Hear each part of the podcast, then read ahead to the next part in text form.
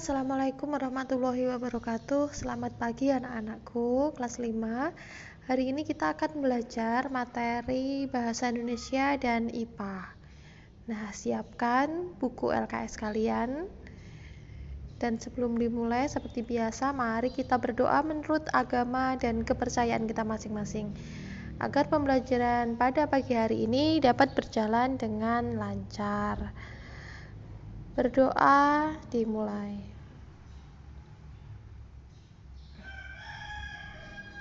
Berdoa selesai. Baik anak-anak, mari dibuka buku LKS-nya halaman 46. Halaman 46 ya. Hari ini kita akan membahas masih tentang pantun, syair dan juga materi IPA tentang uh, organ peredaran darah pada manusia. Anak-anakku, pada halaman 46 kalian akan menemukan ciri-ciri pantun, tapi karena ini sudah dibahas kemarin, kita langsung ke langkah-langkah penulisan pantun. Kalian bisa menggarisbawahi materi langkah-langkah penulisan pantun. Langkah-langkah penulisan pantun ini cukup unik ya, karena tidak karena kalian tahu kan pantun terdiri dari empat baris. Nah, bagaimana pembuatannya? Apakah urut dari baris pertama menuju baris keempat? Nah, mari kita simak langkah-langkah penulisan pantun berikut ini. Anak-anakku, langkah pertama sebelum menulis pantun, kita harus menentukan tema pantun yang akan dibuat. Nah, temanya apa? Apakah tentang pendidikan atau tentang kesehatan atau tentang kasih sayang atau tentang kehidupan keluarga. Nah, temanya setelah ditentukan, maka langkah kedua adalah menentukan jenis pantun. Apakah itu pantun jenaka, pantun nasihat, pantun teka-teki atau pantun kiasan dan e, beberapa jenis pantun yang lain ya. Tentunya dalam membuat e, jenis pantun ini kalian juga harus berdasarkan pada tema yang sudah ditentukan. Setelah itu, membuat bagian isi pantun sebanyak dua baris dengan setiap baris terdiri dari 8 sampai 12 sukata. Nah, di sinilah yang perlu kalian perhatikan dalam membuat pantun kalian tidak menulis dari baris pertama tapi langsung menuju ke baris ketiga. Baris ketiga dan baris keempat ditulis sesuai dengan jenis pantunnya tadi. Apakah pantun jenaka atau teka-teki? Kalau pantun jenaka tentunya lucu. Kalau teka-teki ya eh, berupa berbentuk pertanyaan. Nah setelah itu baru membuat sampiran baris pertama dan kedua dengan memperhatikan sajak. Ingat, sajak pantun adalah A, B, A, B. Tadi di baris ketiga sajaknya apa? Kalau di baris ketiga sajaknya A, berarti sampiran baris pertama sajaknya juga harus A. Contohnya seperti ini di pantun di bawah. Di contoh itu kan sore hari berwarna jingga jelas terlihat di atas bukit. Jika kesehatan tidak dijaga tubuh akan mudah sakit. Tentu kalian akan menulis uh, baris ketiga dulu ya. Jika kesehatan tidak dijaga tubuh akan mudah sakit. Baru setelah du dua baris ketiga dan keempat itu selesai kita buat atau kita cari kalimat yang sesuai sajaknya dengan baris ketiga itu ditaruh di baris pertama. Jika kesehatan tidak dijaga, oh yang terakhirnya ga apa ya? Nah, ketemulah ini sore hari berwarna jingga eh, sama-sama ga. Lalu baris keempat, tubuh akan mudah sakit. Kata apa ya yang uh, terakhirnya adalah kit Oh, kata bukit. Maka kalian bisa membuat kalimat yang terakhirnya menggunakan kata bukit. Jelas terlihat di atas bukit. Nah, pantunnya sudah jadi. Pastikan saja yang digunakan pada setiap sampiran dan isi sudah sesuai. Itu tadi cara membuat pantun. Cukup mudah bukan?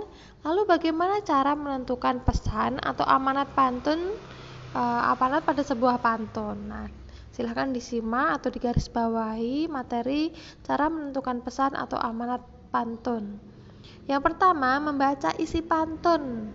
Ingat ya, amanat pada pantun itu terdapat pada baris ketiga dan keempat. Jadi kalian bisa mengabaikan baris pertama dan kedua. Jika pertanyaannya adalah isi atau amanat pantun. Yang kedua, memahami isi pantun. Pahami isi kalimat pada baris ketiga dan keempat. Lalu, setelah kalian memahami, kalian menentukan pesan sesuai dengan bahasa kalian sendiri-sendiri. Itu tadi cara menentukan pesan atau amanat dari sebuah pantun ya anak-anak. Cukup mudah karena kalian hanya tinggal membaca dan memahami baris ketiga dan baris keempat. Nah, selanjutnya kita akan membahas tentang syair. Apa itu syair? Syair merupakan puisi lama berasal dari Arab. Syair biasanya mengandung pesan atau nasihat. Nah, berikut ini akan kita bahas ciri-ciri syair. Kalian bisa menggarisbawahi materi berikut. Yang pertama, ciri-ciri syair tiap barisnya terdiri dari empat baris, sama ya dengan pantun, sama-sama terdiri dari empat baris. Lalu setiap baris terdiri dari 8 sampai 14 suku kata, lebih panjang daripada pantun. Setiap bait memberi arti sebagai satu kesatuan. Bait pertama sampai keempat itu memberikan arti menjadi satu kesatuan ya sebagai satu kesatuan. Tidak seperti pantun. Kalau pantun antara sampiran dengan isi itu cukup atau sangat berbeda atau tidak e, menjadi satu kesatuan arti. Yang mengandung arti hanya pada baris ketiga dan keempat. Itu pada pantun. Dengan pada syair semuanya memberikan arti sebagai satu kesatuan. Baik baris pertama, kedua, ketiga maupun keempat lalu pada syair bersaja a a a a. Semua baris adalah isi ya seperti yang dijelaskan Bu Dewi tadi ya dari baris pertama sampai keempat itu merupakan isi.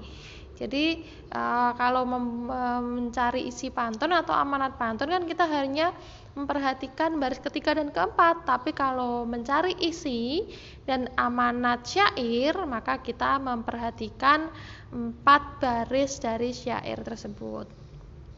Bahasa pada syair berbentuk kiasan. Syair berisi tentang nasihat, petuah, dongeng, atau cerita. Nah, sekarang kita bahas Contoh syair berikut ini. Jika memang punya mimpi, i ya, sajaknya, datanglah belajar di sini. I lagi. Sebagai bekal untuk diri, kelak berguna masa nanti. Nah, semua syairnya adalah i ya. Baik baris pertama, kedua, ketiga, dan keempat. Berarti sajaknya adalah a a a a. Lalu berikutnya Bangunan tua ini sekolahmu, sekolah untuk menimba ilmu. Belajar tekun bersama guru untuk ilmu yang baru. Nah, pada syair ini semuanya diakhiri dengan u. Sajaknya sama berarti ya, u semuanya. Artinya sajaknya sama bersajak a a a a. Nah, di bawah ini juga ada ciri-ciri pantun uh, perbedaan ciri-ciri pantun dengan persamaan dan perbedaan pantun dan syair. Tadi sebenarnya udah dibahas tadi kita nggak perlu bahas ya. Di sini juga ada materi tentang pantun jenaka pantun nasihat pantun teka-teki dan juga pantun biasan ini juga materi yang sudah kita bahas di uh, subtema 1 sekarang kita menginjak pada materi IPA silahkan kalian buka halaman 53 Nah, kita masih akan melanjutkan materi tentang organ peredaran darah. Sekedar mengingatkan, organ peredaran darah pada manusia ada tiga ya organ yang terlibat ya.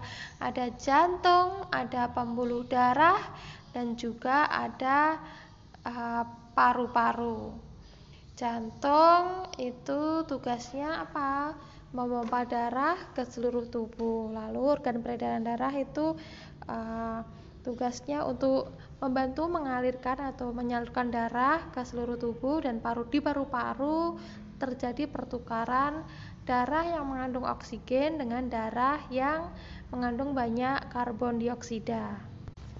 Nah, tiga organ peredaran darah ini juga sering kali mengalami gangguan. Gangguan apa saja?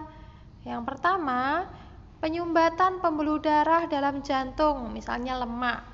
Lalu penyempitan pembuluh darah, terbentuknya kerak keras di bagian dalam dinding pembuluh nadi, terlalu lama berdiri atau bekerja dengan menggunakan kaki terlalu lama, lalu terlalu lama duduk dan kurang mengkonsumsi makanan yang bergizi. Itu adalah contoh-contoh penyebab gangguan pada organ peredaran darah manusia. Apa saja bentuk gangguannya? Di halaman 45 eh, 54 maaf, di situ ada contoh-contoh gangguan organ peredaran darah pada manusia. Ada jantung koroner, hipertensi, sklerosis, varises, ambeien, stroke, dan leukemia. Tanda-tanda sirkulasi darah tidak lancar adalah ketika mengalami sesak nafas, nyeri di dada, dan juga sakit kepala. Untuk melancarkan sirkulasi darah sebenarnya dapat dilakukan dengan cara yang sangat mudah, tetapi efeknya sangat besar bagi tubuh.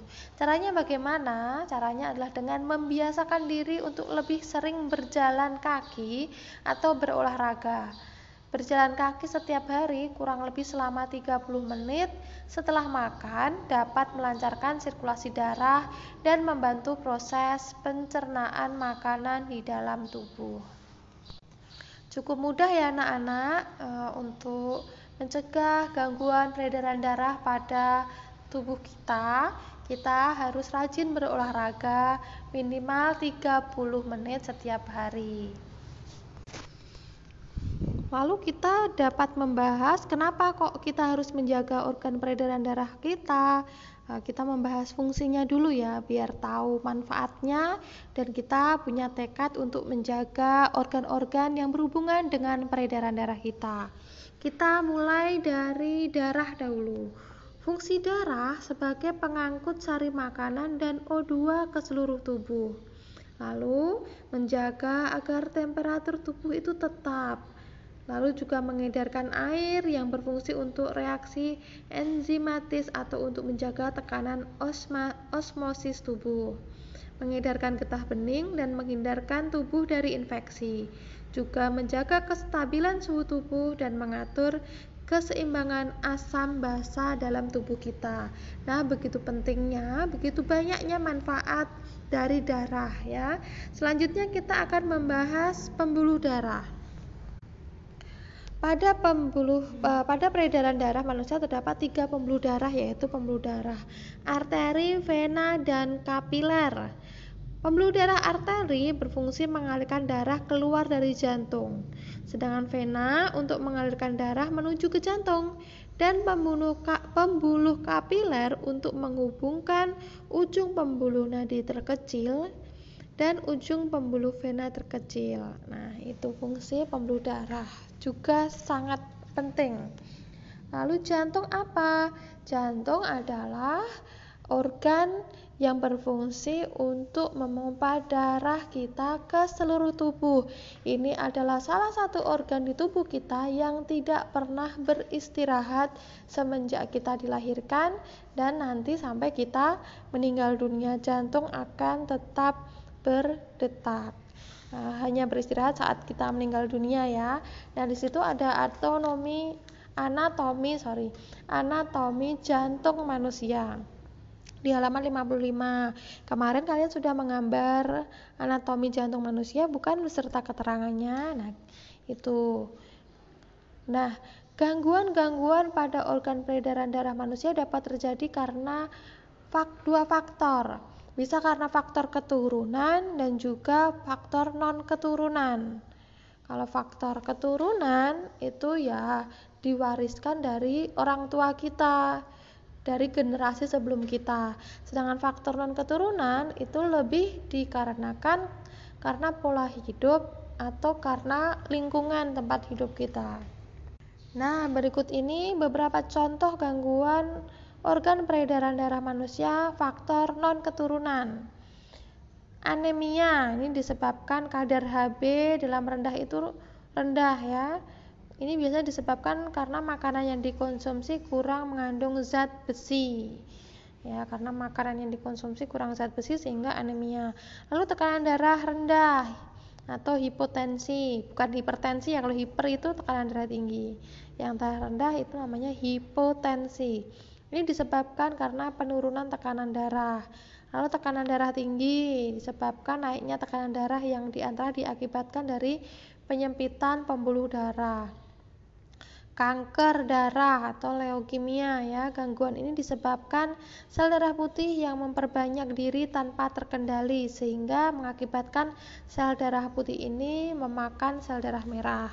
Sel darah putih itu penting ya, tapi kalau jumlahnya tidak terkendali maka dia akan berbalik menyerang tubuh uh, yang menderita penderita kanker darah atau leukemia ini. Lalu jantung koroner ini salah satu apa pembunuh terbesar di dunia ya jantung koroner ini ya. Ini disebabkan oleh penumpukan lemak darah kolesterol pada arteri koronaria itu tadi contoh contoh-contoh gangguan pada organ peredaran darah faktor non keturunan ada anemia tekanan darah rendah tekanan darah tinggi ada kanker darah, dan juga jantung koroner. Lalu kita lanjutkan apa saja uh, faktor beberapa faktor gangguan peredaran darah karena faktor keturunan. Ya, ini sekarang yang faktor keturunan ya beberapa contoh gangguan peredaran darah di faktor keturunan yaitu hemofilia. Ini disebabkan adanya kelainan yang menyebabkan darah sulit membeku jika terjadi luka. Jadi kalau luka darahnya itu akan sulit berhenti karena dia eh, sulit membeku ya, akan keluar terus darahnya. Lalu Talasemia pada gangguan ini bentuk sel darah merahnya tidak beraturan. Hal ini menyebabkan darah menyebabkan daya ikat sel darah merah terhadap oksigen dan karbon dioksida menjadi berkurang. Lalu usaha-usaha apa yang dapat dilakukan untuk mencegah gangguan peredaran darah? Antaranya di antaranya adalah makan makanan yang bergizi, olahraga teratur, tidur dan istirahat yang cukup. Jadi dapat kita simpulkan uh, faktor-faktor yang mempengaruhi kesehatan uh, pada organ peredaran darah manusia itu ada empat. Yang pertama adalah faktor perilaku, bagaimana gaya hidup kita, bagaimana pola makan kita, bagaimana uh, kita menjaga kesehatan tubuh kita ya. Lalu faktor lingkungan. Nah, lingkungan yang bersih sangat berperan dalam meningkatkan derajat kesehatan masyarakat. Untuk itu kita harus uh, rajin menjaga kebersihan diri maupun kebersihan lingkungan. Yang ketiga adalah faktor kesehatan. Uh, baiknya layanan kesehatan yang uh, baik akan mempercepat derajat kesehatan suatu masyarakat. Yang keempat juga adalah faktor keturunan. Apa faktor keturunan ini dapat kita cegah? Dapat ya. Faktor keturunan ini dapat dicegah dengan cara membersih, e, membersihkan maaf. Nah, untuk faktor keturunan ini dapat kita cegah dengan e,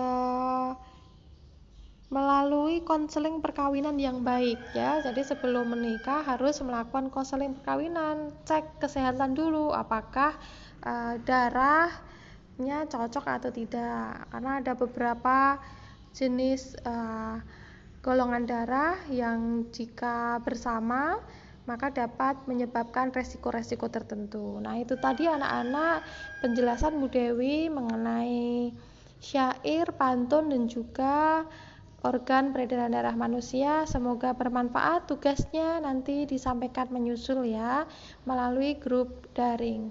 Sekian, wassalamualaikum warahmatullahi wabarakatuh.